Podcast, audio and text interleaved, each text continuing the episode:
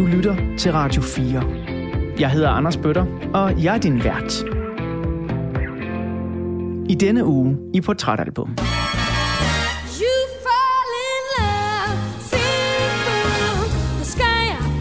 Jenny, Rosander og Lydmor kan jeg vel sige hjertelig velkommen til Portrætalbum. Tak.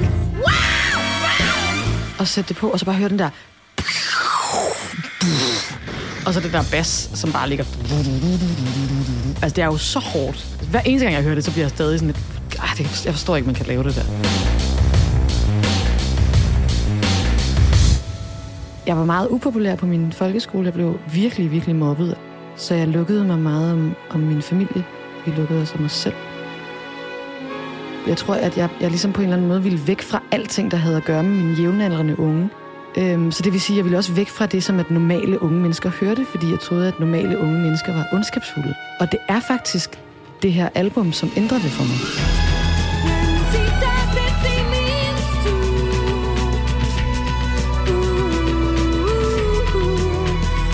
Bjørk har i det her album sådan en urkvinde, vrede, magtgudinde ting, som jeg kunne mærke ind i mig selv, og jeg var sådan, gud, det her findes i mig.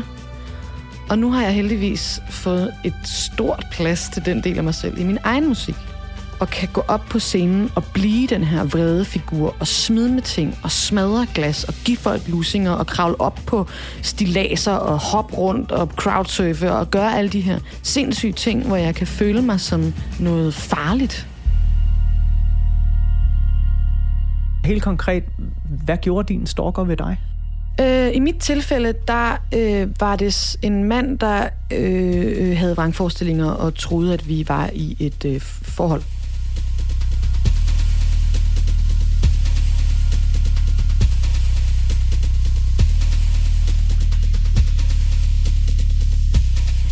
Velkommen indenfor her på Radio 4 til ugens udgave af Portrætalbum.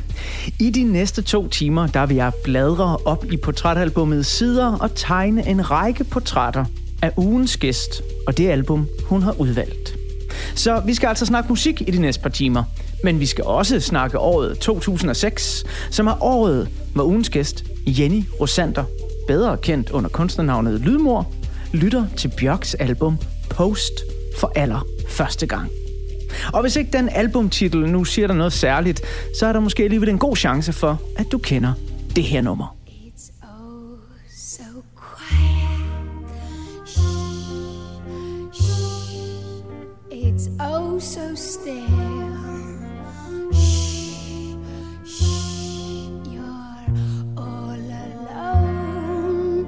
Shh, shh. And so peaceful until you fall in love.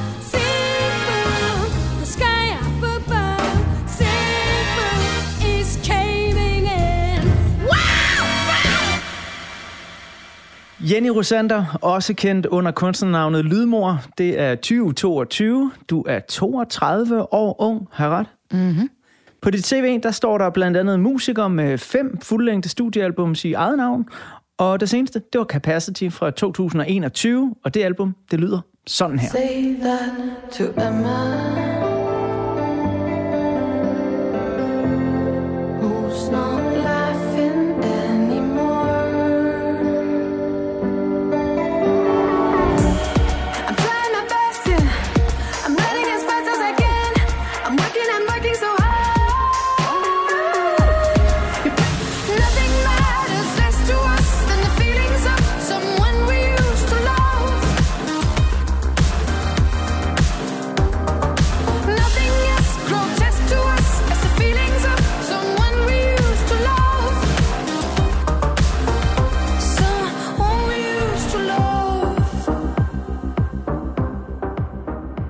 Derudover så har du komponeret musik til danske film, såsom Vilheks og Venus-effekten, samt teaterforestillinger som Orestien og senest Betty Nansens meget succesfulde opsætning af Animal Farm, hvor du også selv spillede med på scenen. Sidst men ikke mindst, så har du ikke været bleg for at blande dig i samfundsdebatten i de seneste par år, især når emner såsom sexisme i den danske musikbranche, eller dine egne svære erfaringer med stalking, skulle have en stærk stemme ude i det offentlige rum. Jenny, Rosander og Lydmor kan jeg vel sige hjertelig velkommen til Portrætalbum. Tak. Jeg skal prøve at gøre mig umage for at ikke komme til at kalde dig Jenny Lydmor, eller vil det være okay? Det må, du må kalde mig næsten lige, hvad du vil. Hvis du begynder at kalde mig Anders, bliver det måske lidt underligt. Så bliver Øh, det en men- men meget alle andre ting er, øh, udsendelse. ja, alle andre ting er helt på øh, op for grabs. Lige om lidt, så bladrer vi op på den første side i portrætalbummet, og der er et billede af dig som barn og din barndom. Men inden vi kommer så langt, så kunne jeg godt tænke mig bare lige at stikke fingeren i jorden her i øh, 2022. Hvordan går du og har det, og hvor er du i livet lige nu? Åh, oh, jamen, øhm, åh, stort spørgsmål. Hvor, hvordan har jeg det i livet? Øh, det er sådan en, en, en ret vild tid lige nu. Øhm, det er sådan om, at jeg har lavet rigtig, rigtig meget arbejde i nogle år, og, øh, og så begyndte det at komme ud sidste år. Alt det arbejde, jeg havde lavet, altså øh, Venus-effekten, Capacity, mit album, øh, de turnéer, som jeg havde konceptualiseret, de forestillinger, jeg havde lavet. Og øh, lige nu, og det kommer til at lyde lidt underligt, jeg føler ikke rigtigt, at jeg laver andet end at rende rundt og vinde priser. Og, øhm, og Kan- det, det er rigtig dejligt. Eller, Ja, altså, altså, du høster vel bare frugterne af hårdt arbejde? Ja, lidt. Øhm, og det er surrealistisk og dejligt og nice, og øh, jeg ved slet ikke, hvordan man så gør, når man så kommer ud af sådan en periode. Det kan, det kan jo være vildt skræmmende. Så tænk, hvis jeg nu vender mig til, at hvis jeg ikke er blevet nomineret og har vundet noget i, i løbet af en måned, så bliver jeg helt skuffet. Øhm, men nej, så lige nu er egentlig bare sådan en tid, hvor at der bare er jævnligt p- folk, der siger pæne ting om det, jeg laver, og jeg render rundt i sådan en øh, døs af taknemmelighed og prøve at finde på nye måder at sige tak på. Det virker som et øh, enormt øh, rart sted at være, faktisk. Og øh, nu hørte vi lidt af nummeret It's Oh So Quiet, et af de helt store numre fra øh, Post-albummet. Det vender vi tilbage til senere i udsendelsen. Men jeg synes faktisk, for ligesom at øh, sætte af med raketfart, som Bjørk jo også gør på det her album, at vi skal starte med at høre åbningsnummeret sammen. Det hedder Army of Me.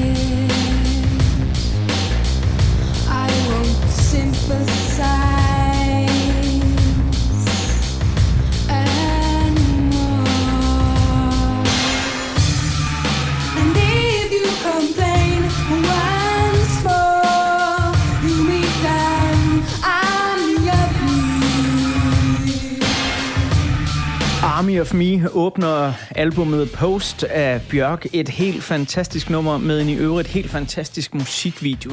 I den der sidder Bjørk på sådan en kæmpe dommedags truck, sådan en lastbil, hun kører rundt i. Og der sker faktisk det i videoen, at øh, hun øh, kører den ind på et kunstmuseum og bomber kunstmuseet. Og derfor så bliver den her video trukket fra MTV, fordi det sker lige efter den bombning, der er i USA i Oklahoma City. Øh, og det får faktisk kæmpe konsekvenser for øh, jamen, sangens sådan, udbredelse i USA. Den bliver et kæmpe hit i Europa, men i USA der bliver den aldrig sådan helt så stor, fordi den ikke får den der MTV-rotation, hvilket er helt skørt. Men lad os forholde os til den som en albumåbner. Det er eddermame et bang måde at komme i gang på, ikke? Ja, jamen, det er jo helt, helt sindssygt, som vi også lige talte om, den der ting at være det menneske, som sætter det album på, lige når det er kommet ud. Altså hvis man har kendt bare en lille smule til Bjørk, og, og hvad hun havde gang i på det tidspunkt, og så kunne få lov til at sætte det på, og så bare høre den der... Og så det der bas, som bare ligger... Altså, det er jo så hårdt. Og det er så meget fremdrift i det. Hver eneste gang, jeg hører det, så bliver jeg stadig sådan lidt... Det, jeg forstår ikke, man kan lave det der. Men der er også sådan et eller andet altså, øh, sygt fascinerende over, synes jeg, for, fordi jeg, jeg husker at høre det som en, hvad har jeg været, 15-16 år gammel, og, og, og få følelser i kroppen, jeg aldrig har fået før. Mm. Øhm, og det har været der, hvor det udkom i 95-96 stykker. Øh, og jeg tror, jeg både var forelsket og skræmt på én gang. Og det kunne altså et eller andet særligt mm. at være bange og forelsket på én gang. Ja, jamen den der, den der frygt, og det sjove er jo, at jeg var også 16, da jeg hørte det her første gang. Og jeg kan nemlig præcis huske det der med at være sådan frastrygt og, og tiltrukket samtidig. Øh, jeg har hørt om sådan et begreb, jeg er ret glad for, som er den, den frygtfulde angst. Nej, den lystfyldte angst. Aha. Den lystfyldte angst, som er ligesom noget, som at, at der sker i alle mulige sammenhænge, i forelskelse, i kreative processer. Det er der, når man er bange for noget, men samtidig gerne vil have det. Og det her album, tror jeg, jeg har haft mest lystfuld angst over for, af noget som helst, jeg nogensinde har hørt.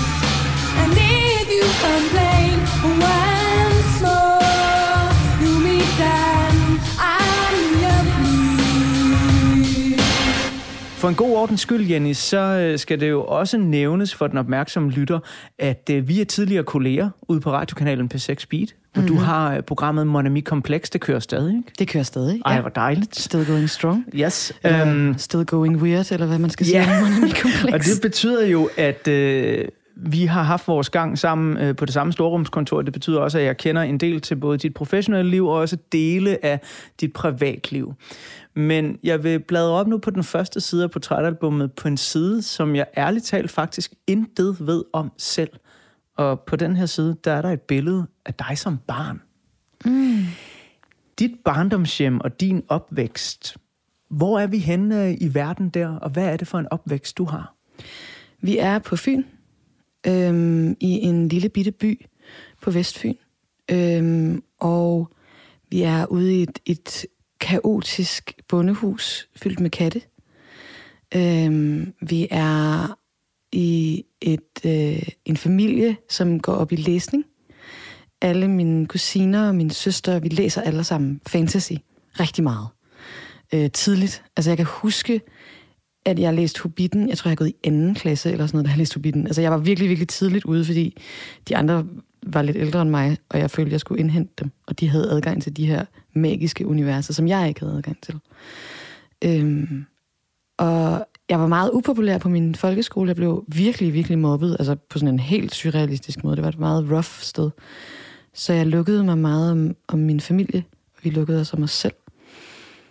Så det meste af min barndom har jeg spillet musik med mine kusiner og min søster. Spillet klarinet. Øhm, og øh, mine kusiner spillede også klarinet, og min søster spillede violin, og så spillede vi sammen. Og så løb vi rundt i haven og legede. Jeg skal lige forstå, i det her kaotiske, dejlige bondehus, bor dine kusiner også der? Nej, de bor øh, et par kilometer derfra i et andet hus. Øhm, men, øh, men er så tit ude at besøge. Specielt når vi skal lege i haven, fordi vi havde den største have. Øhm, og det var meget, altså der var en, en lang årrække, hvor det simpelthen handlede om, at så læste vi en fantasybog, og så legede vi i det univers. Øhm, og øh, min mor havde det helt surrealistisk med det, også fordi vi havde jo altid øh, mændene. Fordi vi havde, øh, det der er med de fleste fantasy-romaner, det er jo, at de jo øh, er rimelig heteronormative, så kvinder optræder mest som romantisk interesse.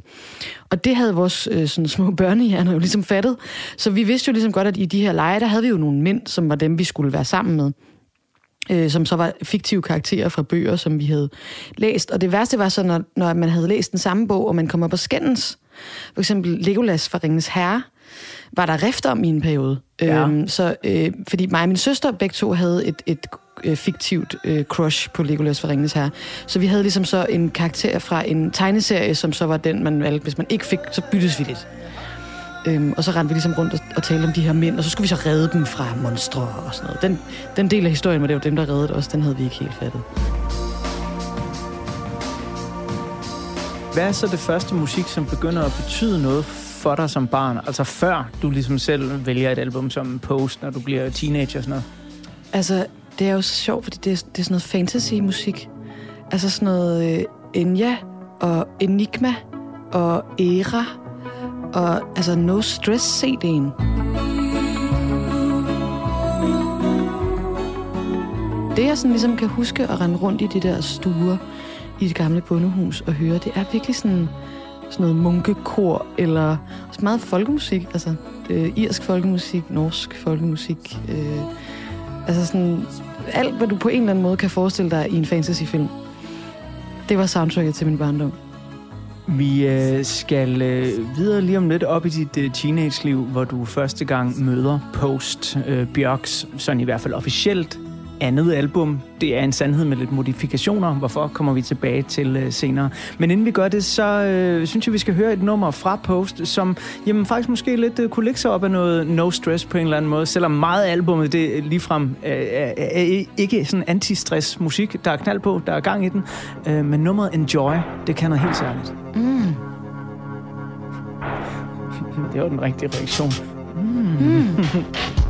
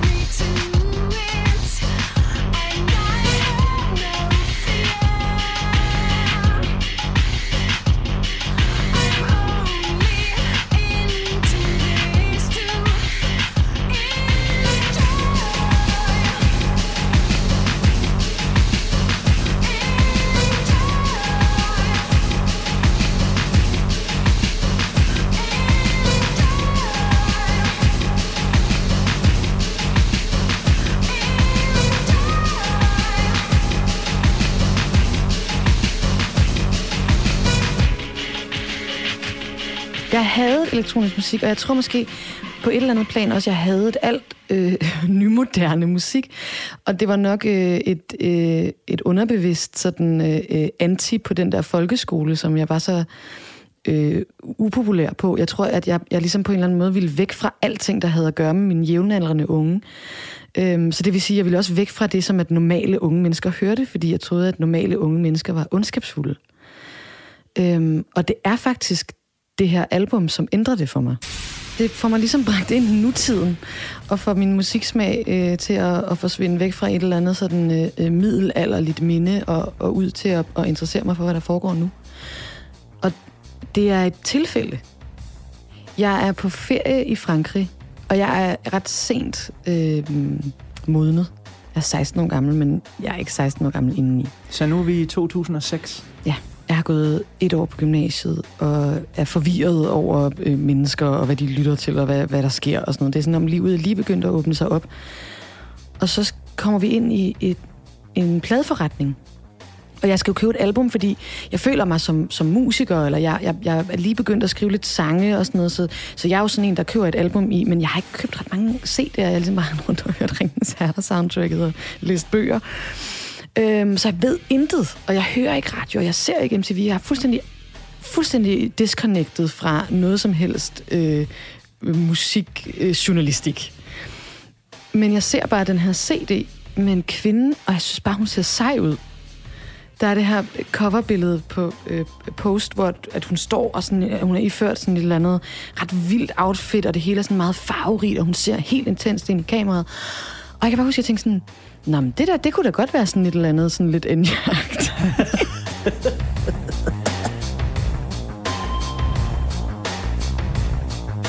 jeg kan huske så tydeligt, at jeg sætter det på, og så til at starte med tænker jeg, åh oh, pis, det er sådan noget biblop, og det kan jeg ikke lide, og det er alt for hårdt, og sådan. Og så sætter jeg et eller andet på, og så sådan, nej, jeg skal lige, jeg skal lige høre det igen. Og den der sådan følelse af sådan, at sidde og lytte til det, og så bare blive ændret. Altså det der med sådan at høre sådan, gud, jeg kan føle noget, jeg ikke vidste, jeg kunne føle. Jeg, jeg, kan, jeg kan tænke noget, jeg ikke vidste, jeg kunne tænke. Hun, det, hele det der univers, hun åbner op, giver mig ligesom mulighed for at accesse noget af min egen vrede, og accesse noget af min egen frygt for livet, og min eksistentielle dødsangst. Og det er ligesom bare sådan et helt univers af musik, der åbner sig op.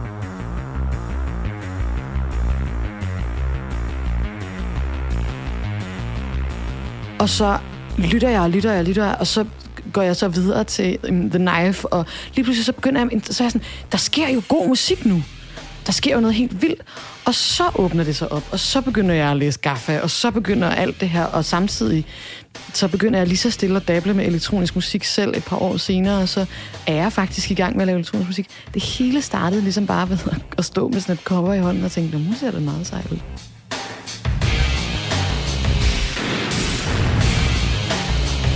Så det her album er jo fuldstændig fundamentalt for, hvem kunstneren Lydmor er den dag i dag. Ja, fuldstændig. Wow. Du har jo netop lige præcis nailet fuldstændig, hvad det her program, det bør handle om. Når det er allerbedst. Og Jenny, nu har jo fået tegnet sådan en lille portræt af dig som barn, og, og på vej op i teenageårene, og som barn, øh, det jeg i hvert fald hører dig fortælle, det er meget nær tryghed i familien, stor kreativitet, nok også en frygt for, hvad der er uden for familien, i det du bliver mobbet i skolen, verden udenfor kan være et ondt sted. Men i, i den her tid, i 2006 stykker, hvor du er teenager, faktisk sådan midt i teenage-tiden, hvem er du som menneske der? Jeg tror, jeg er et menneske, der er på vej til at, at åbne mig op. Og den proces var ret sindssyg. Øhm, den tog noget, nogle år, og, og det, var, det var ikke sådan et, et enkelt punkt. Det ville øh, lyde sejere, hvis det var et enkelt punkt. Men jeg tror, hele min barndom og også starten af min teenage-tid har jeg dagdrømt så uendeligt meget om livet. Altså kærlighed, øh, sex, øh, vildskab, øh, fester, øh, vilde natter, eventyr, storbyer. Jeg var vokset op i en lille bitte, bitte, bitte by. Jeg synes, det var eksotisk at komme til Odense. Jeg synes, Odense var en stor by. Og jeg ville bare så gerne ud i livet. Men samtidig med, så var jeg meget, meget, meget sent modnet. Jeg havde ikke sådan ret meget med øh, sådan, hverken piger eller drenge at gøre øh, seksuelt, eller kysset meget sent den første kys. Øhm, og det var lige begyndt at ske her i, i 2006. Jeg var lige begyndt at opdage, at hvis jeg kiggede på nogle mennesker på en bestemt måde, så kunne du ikke finde på at kigge tilbage. Og det havde jeg det ret vildt over. Så det brugte du meget tid på. Altså, det brugte jeg i hvert fald meget tid på at tænke over. Jeg, jeg kan bare huske den der følelse af at begynde at ture og kaste sig ind i livet. Både i at kaste sig ind i intellektuelle diskussioner, og kaste sig ind i at skabe, og kaste sig ind i fester, og kaste sig ind i kærlighed. Og sådan sulten, der begynder at komme ned. Det her, det er jo et øh, perfekt øh, springbræt til øh, det næste, der skal ske her i Portrætalbum. Fordi jeg vil nu øh, bladre op på den næste side, og der er der et billede af året 2006. Og her, der skal jeg tegne et lille portræt af det år, for ligesom at finde ud af, hvad er det egentlig for en samtid, du går og lytter til Bjørks post i.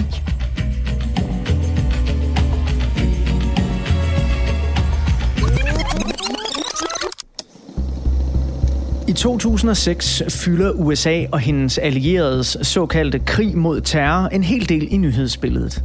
Især krigen i Irak, der føres uden et FN-mandat, gør USA's præsident George W. Bush til en uhyre upopulær mand verden over. Også her i Danmark, hvor statsminister Anders Fogh Rasmussen tre år forinden fik kastet rød maling ud over sig som en protest mod krigen, er der en stigende utilfredshed med Danmarks tilstedeværelse i Irak. For selvom diktatoren Saddam Hussein for længst er blevet pågrebet og i slutningen af 2006 venter på at få sin dødsdom eksekveret, så dør unge danskere stadig af vejsidebomber og kamphandlinger i det sydlige Irak.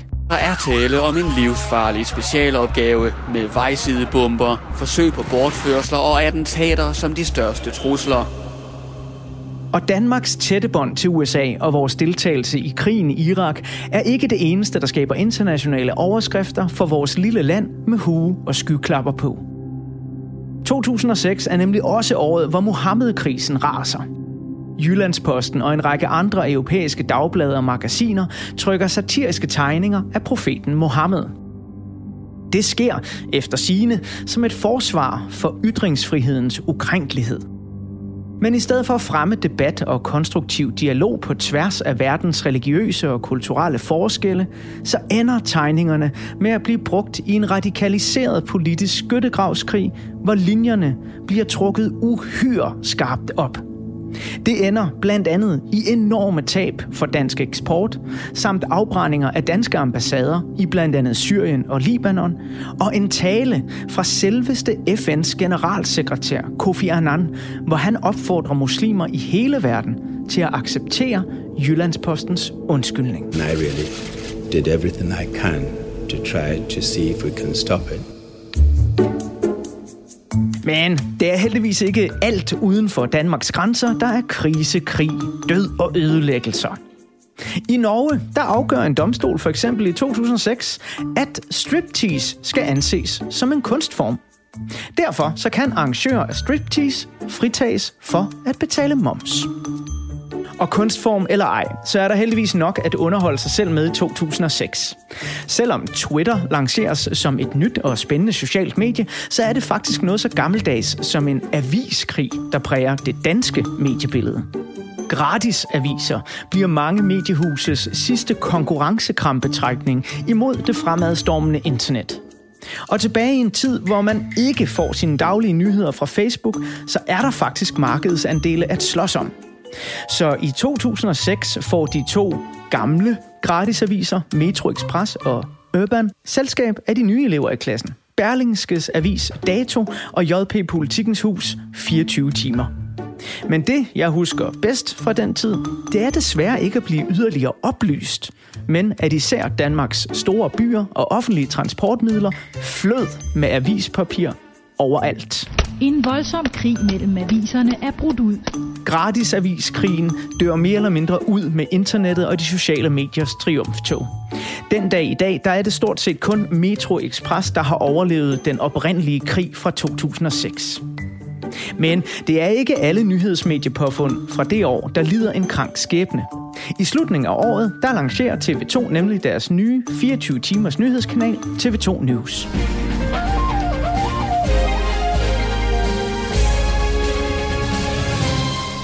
Fredag den 1. december, klokken er 12. Velkommen til TV2 News. Denne her dag er vi nogen, der har glædet os til rigtig længe. Har vi ikke, Christian? Ja, det er vi i hvert fald rigtig længe, for det bliver fascinerende, og det bliver helt nyt i Danmark, og det nye er, at vi bliver ved og ved og ved. Og hvis TV2 havde eksisteret igennem hele 2006, så havde de blandt andet kunne rapportere hæftigt om udviklingen i både Irak-krigen, Mohammed-krisen og mere hjemlige overskrifter, såsom den frygtede fugleinfluenza H5N1, som trækker rigtig mange overskrifter i 2006. Det gør de massive demonstrationer på Nørrebro i København også. Ungdomshuset på Jagtvej 69 hvor Bjørk i øvrigt spillede som en ung gravid punkmusiker i bandet Kugel, er netop blevet solgt til den religiøse sekt Faderhuset.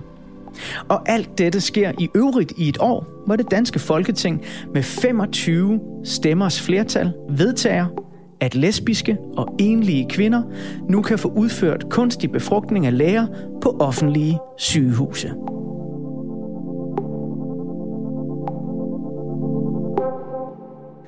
Bum, sikke et år. Wow. Ja, det var et trip down memory lane, men, men jo også et, øh, et trip til en tid, hvor jeg ikke rigtig har en fornemmelse om Jenny på 16, der lige har opdaget Bjørk og den store verden, og måske nogle af de første spirende forelskelser. Om du sådan overhovedet opfatter noget af den her store verden uden for din egen lille verden. Øhm, jo, altså jeg, jeg var meget øh, involveret i sådan noget ungdomspolitik. Øhm, det er sådan noget, man, sådan, man tænker ikke så meget på i dag, fordi det er jo ikke i dag, men, men jeg var ligesom, øh, der var sådan en SF, øh, SF Ungdom øh, i Struer, hvor jeg øh, øh, gik på gymnasiet, og jeg gik på sådan et kostgymnasium i Struer, Aha. for at komme væk fra Fyn. Ja. Øhm, og der var, der, fordi at sufferne, der var kun en, der var suffer, og der, det så ikke så fedt ud. SFU'erne, de havde federe fester, men de var stadig ligesom røde, ikke? Så det var der, jeg endte, og jeg var faktisk, jeg tror, jeg var kasserer et år. Hvilket, hvis man kender mig, ville man være sådan lidt overrasket, fordi at jeg er ikke den mest Excel-ark-type person.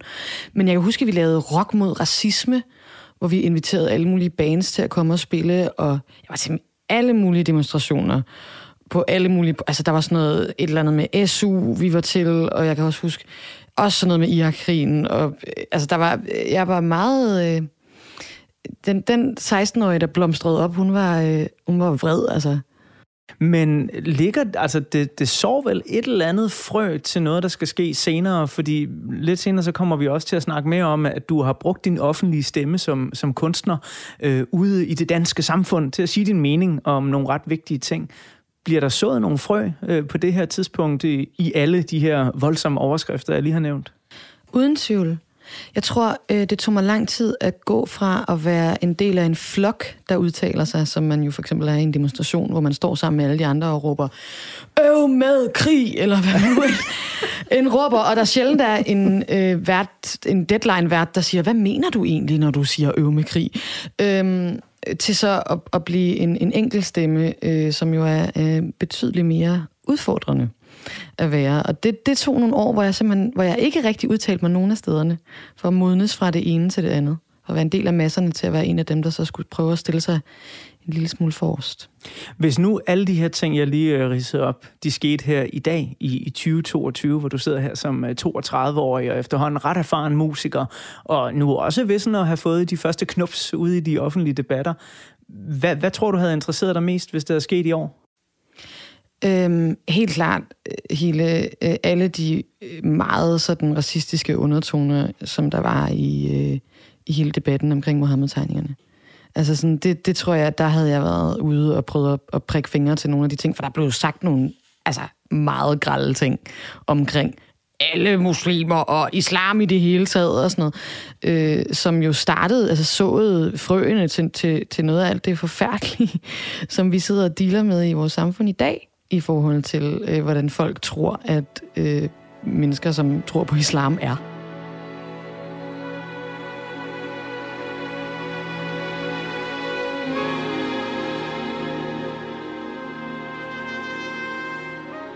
Er det vigtigt for dig at have et udtryk ude i den offentlige debat som kunstner også? Jeg tror, det er vigtigt for mig som menneske, øhm, fordi at der er mange ting i vores samfund, som jeg synes er ret sindssygt, og som jeg synes, øh, at jeg som øh, en, en lack of a better word, offentlig person, har mulighed for at reagere på. Øhm, og jeg har mulighed for at prøve at forklare nogle ting, at forklare nogle sammenhænge. Øh, mange af de ting, jeg udtaler mig om, handler jo om, om sexisme, øh, som jeg har undersøgt rigtig meget, fordi jeg også er nysgerrig på, hvad er det, der sker, hvad er det, køn er. Øhm, så på en eller anden måde for mig, som etisk elskende menneske i verden, der føler jeg, at jeg må, må gøre, hvad jeg kan, for at der er mest mulig plads til alle de andre elskende mennesker i verden. Der, hvor der måske er nogen, der har set dig ude i den offentlige debat, det er, da du øh, reagerede meget kraftigt på en anmeldelse, som øh, skribenten Thomas Treve han lavede, da han skulle anmelde rockbandet Velvet Volumes øh, nyeste album. Det var, øh, som mange af hans anmeldelser, en meget, meget sexistisk anmeldelse. Og øh, den kom øh, vidt omkring. Du skrev et indlæg i GAFA, som blev, øh, så vidt jeg husker, årets mest læste indlæg det år. Og øh, du endte også i øh, åbne tv-debatter med øh, Paul Madsen, den daværende redaktør øh, på Ekstrabladet. Lydmor var klar i sin anmeldelse af Treves mange kønsfokuserede anmeldelser. Det har en konsekvens for, hvordan at der bl- øh, kvinder bliver opfattet. Det har altså også konsekvens for de unge piger, den næste generation, som sidder lige nu og skal vælge, hvad de skal gøre med deres liv. Vi har en kultur i Danmark, hvor man ikke kan gå ud og sige noget som helst, fordi så er der nogen, der vil føle sig krænket. Altså, hvis der sidder en 12-årig pige lige nu og skal tænke over, om hun har lyst til at tage en guitar frem. Hvad sker der, hvis hun kan opfatte, at et af vores store medier i Danmark øh, konsekvent kalder kvinder for røvvrækkende lulitager og narfisser, og øh, hvad helvede er det en kvinde, og køn jyden, skam med resten. Og, altså, det er altså ikke et specielt sundt miljø. Hvorfor var det lige den her anmeldelse af Treve af et album, der jo øh, ikke engang er lavet af dig, skulle jeg til at sige. Altså, du har jo ikke nødvendigvis noget mellemværende med øh, uh, Treve eller Velvet Volume, men hvorfor var det den, der, der triggerede dig til at, at gå ud og skrive et indlæg? Jeg tror, øh, det det handlede om lige med, med Treve, det var, at det var så tydeligt. Øhm, og det var jo, øh, man kan sige, anmeldelsen var jo bare dråben, der fik bæret til at flyve over. Jeg havde jo kendt til øh, Treves øh, såkaldte arbejde øh, i mange år, og oplevede det her med, at man kunne stå backstage på festivaler og tale med folk om, Nå ja, men Treve, han er her, og så kommer der nok en sexistisk anmeldelse, hvor det handler om vores tøj, eller vores påklædning, eller hvor sexet vi er, eller hvor sexet vi ikke er. Øhm, og jeg synes bare, det var ret sindssygt, at, at det ikke var noget, man tog op, at det bare var noget, man accepterede. Folk var sådan, men så må man ignorere det til døde. Øh, specielt fordi jeg i den periode også var i gang med at undersøge, jamen, hvorfor er der så få kvinder i, i musikbranchen. Og i min sådan research af øh, køn i det hele taget og minoriteter, fandt ud af, at lige præcis måderne, man taler om kvinder i medierne, har en kæmpe påvirkning på unge sjæle, som gerne vil ind i musik. Så lige pludselig, så sad jeg, hvor normalt alle de her undertrykkelsesting er sådan noget strukturelt, øh, underbevidst shit, som er pissvært at pege på, så var der bare noget, der var rigtig nemt at pege på. Og sige, det der, jeg ved ikke alt muligt, men jeg ved, at det der det er noget bras. Og jeg ved, at det har reelle konsekvenser. Og jeg ved, at Ekstrabladet tjener rigtig mange penge på det. Øhm, så ja, det var, der var, det var føltes som en meget øh, obvious kamp at kæmpe.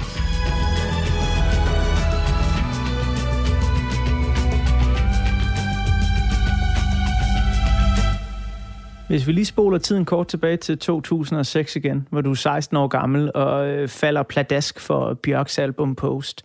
Betød det noget for dig dengang, at det var en kvinde, der udtrykte sig, som hun gjorde? Uden tvivl.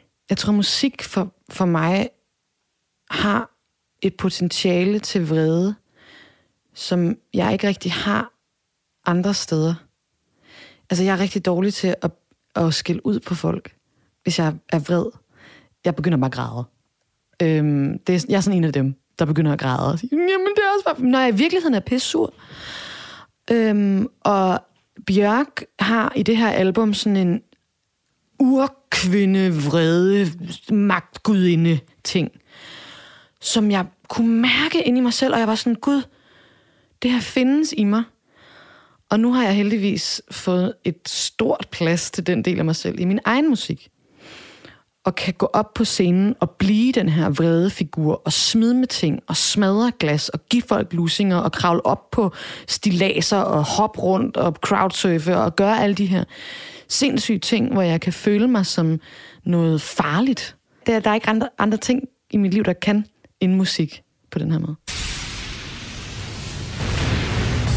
Og lige præcis ordet farligt, det er nok en af de overskrifter, jeg vil sætte på albumet Post. I hvert fald, da jeg hørte det første gang selv tilbage i 1995, da det udkom. Og det farlige, det var jo også dragende. Og det er et øh, perfekt øh, lille springbræt til nu at tegne et portræt af Post som album. For når vi bladrer op på den næste side af portrætalbummet, så er der et billede af Bjørk, hvor hun står her i al sin vælde og magt, øh, og virkelig har den her fantastiske kvindelige energi.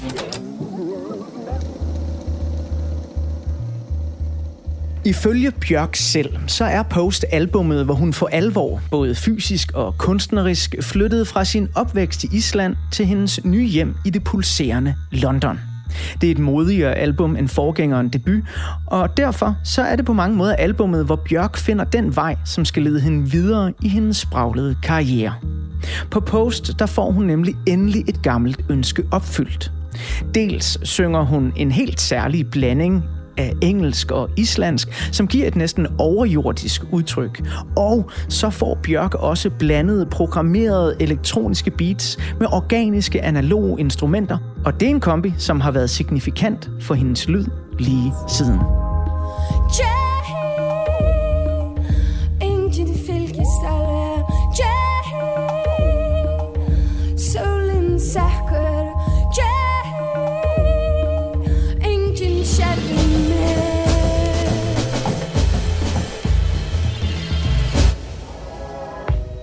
Lyden af Post er lyden af et multikulturelt engelsk musikmiljø, som i midten af 90'erne er en stor smeltedil af påvirkninger af alt fra jamaikansk reggae-kultur til amerikansk hiphop, ærkebritisk pop og europæisk punk.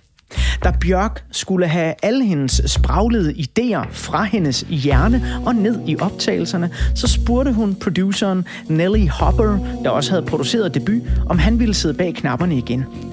Han sagde i første omgang nej, fordi han gerne så Bjørk udvikle sig mere radikalt fra album til album, og han var bange for bare at gentage formlen fra det foregående album. Men Bjørk fik til sidst overtalt Nelly ved at love ham, at der også ville være andre producer og lydmagikere, der fik indflydelse på Post. Og det løfte, holdt hun.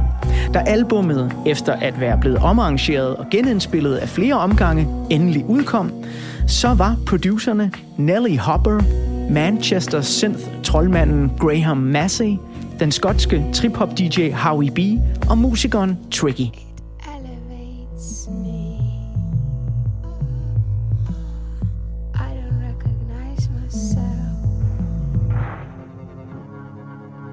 Bjørk havde tidligere haft succes med gruppen The Sugar Cubes, og albumet Debut fik også ret stor opmærksomhed, så det gik ikke ubemærket hen, at hun var i gang med at indspille sit andet soloalbum, Post.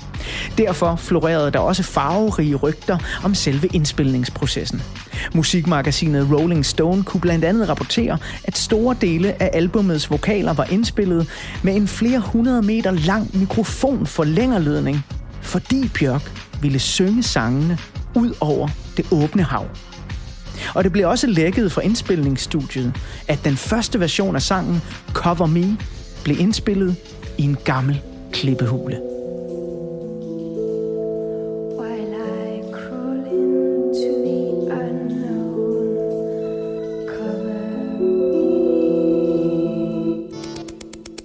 Bjørk elskede selv de hårde elektroniske beats på de første postindspilninger, men hun savnede, at de stod op imod organiske analoge instrumenter.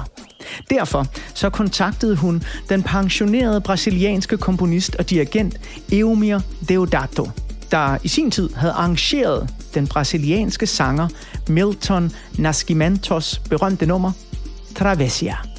Et nummer, som Bjørk elskede.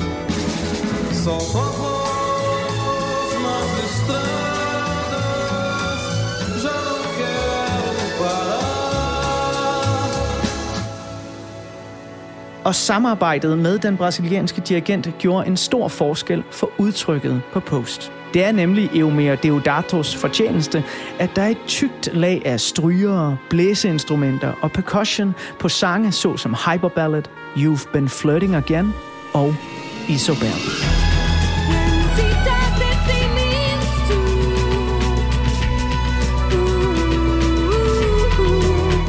Post er som album noget nær den perfekte toer.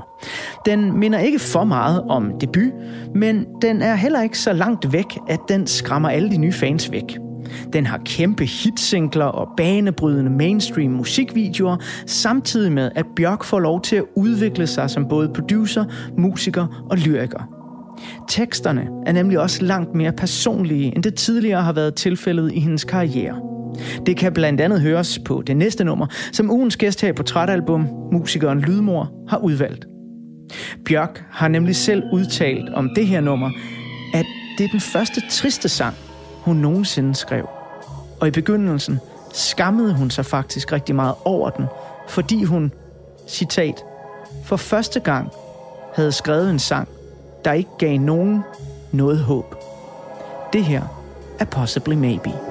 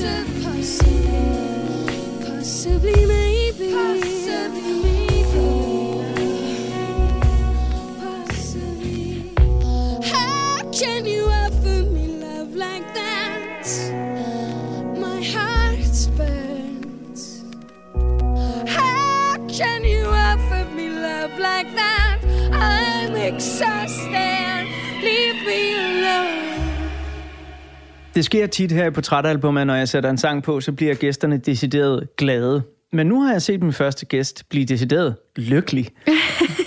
Hold op en reaktion, der var på, at øh, jeg satte Possibly Maybe på. Hvorfor er det så godt et nummer, Jenny? Åh, oh, jamen, åh, oh, det er jo det hele. Det er den her sinds... Dum, dum, dum, dum, dum, dum, dum, dum, dum, har sådan en eller anden blød, omsorgsfuld... Det er som en, en dyne af melodi, der ligger sig sådan øh, harmonisk rundt om din sjæl, og sådan lige så stille åbner dig op. Og så er den tekst bare så raffineret. Den er så raffineret, når hun synger Teases the crack in me.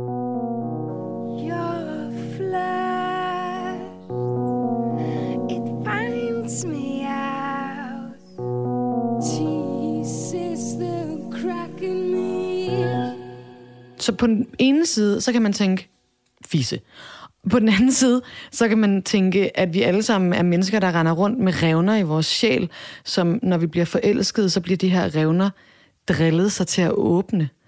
Øhm, der er så mange billeder i den tekst, og der er så meget leg, samtidig med, at der så ligger den her dybe, dybe sorg over kærlighedens forgængelighed og øh, at miste, som ligger som sådan her underskov ind under alt det, hun synger. Hun øh, sagde jo i et interview, jeg fandt, at hun skammede sig over, da hun skrev den her, fordi hun synes det var den første sang, hun øh, havde skrevet, der ikke indgydet noget håb hos nogen. Kan du som, som musiker og tekstfor- tekstforfatter øh, genkende det her med at kigge på noget, man har lavet og tænkt, ej, det, altså, hvem skal få noget ud af det, jeg har lavet her? Ja. Ja, jeg kan huske, at jeg skrev på et tidspunkt øh, øh, teksten I have no more loving left in me. There are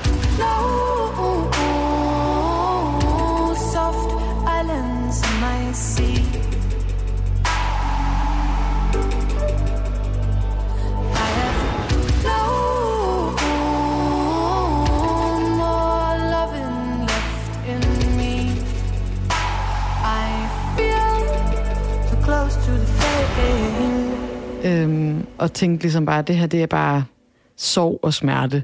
Og jeg har bare brug for at skrive noget om, hvor ondt det gør, og at livet aldrig nogensinde bliver lykkeligt igen.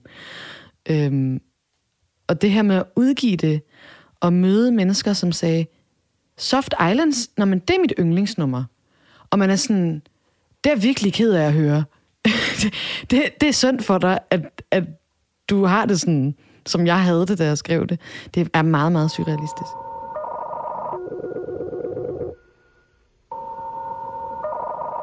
Det er jo noget med, at Bjørk, hun bruger nogle meget specielle samples øh, på Post, og især på Possibly Maybe her, der er den der sådan nærmest telefonen, eller nej, jeg vil sige modem-agtige ringtone. Hvis man nogensinde har hørt et modem, dengang man var barn, så vil man kunne sådan sige, det, det, det lyder lidt hen af det. Men hvor er det, hun har de samples fra? Lige præcis den der... Brrr, brrr, brrr. Den har hun fra øh, et, øh, et ret sådan legendarisk musikhistorisk værk, øh, som er lavet af en, der hedder Scanner, så hvis jeg husker, som var sådan en, som havde sådan nogle øh, en eller anden scanner, der kunne tappe ind på telefonsignaler og lave sådan noget total kunstmusik ud af det. Øh, og den læser jeg om i en meget fantastisk bog, der hedder Ocean of Sound, øh, som er skrevet af en musikfilosof. Og så læser jeg om det her scanner-album, øh, og så sætter jeg det på. Og så på et tidspunkt i albumet, så er jeg sådan, det der, det skulle da possibly maybe. det forstår jeg ikke. Og så går jeg så ind og googler det og finder ud af, nå okay, men hun havde så samlet lige præcis den, den del fra ham.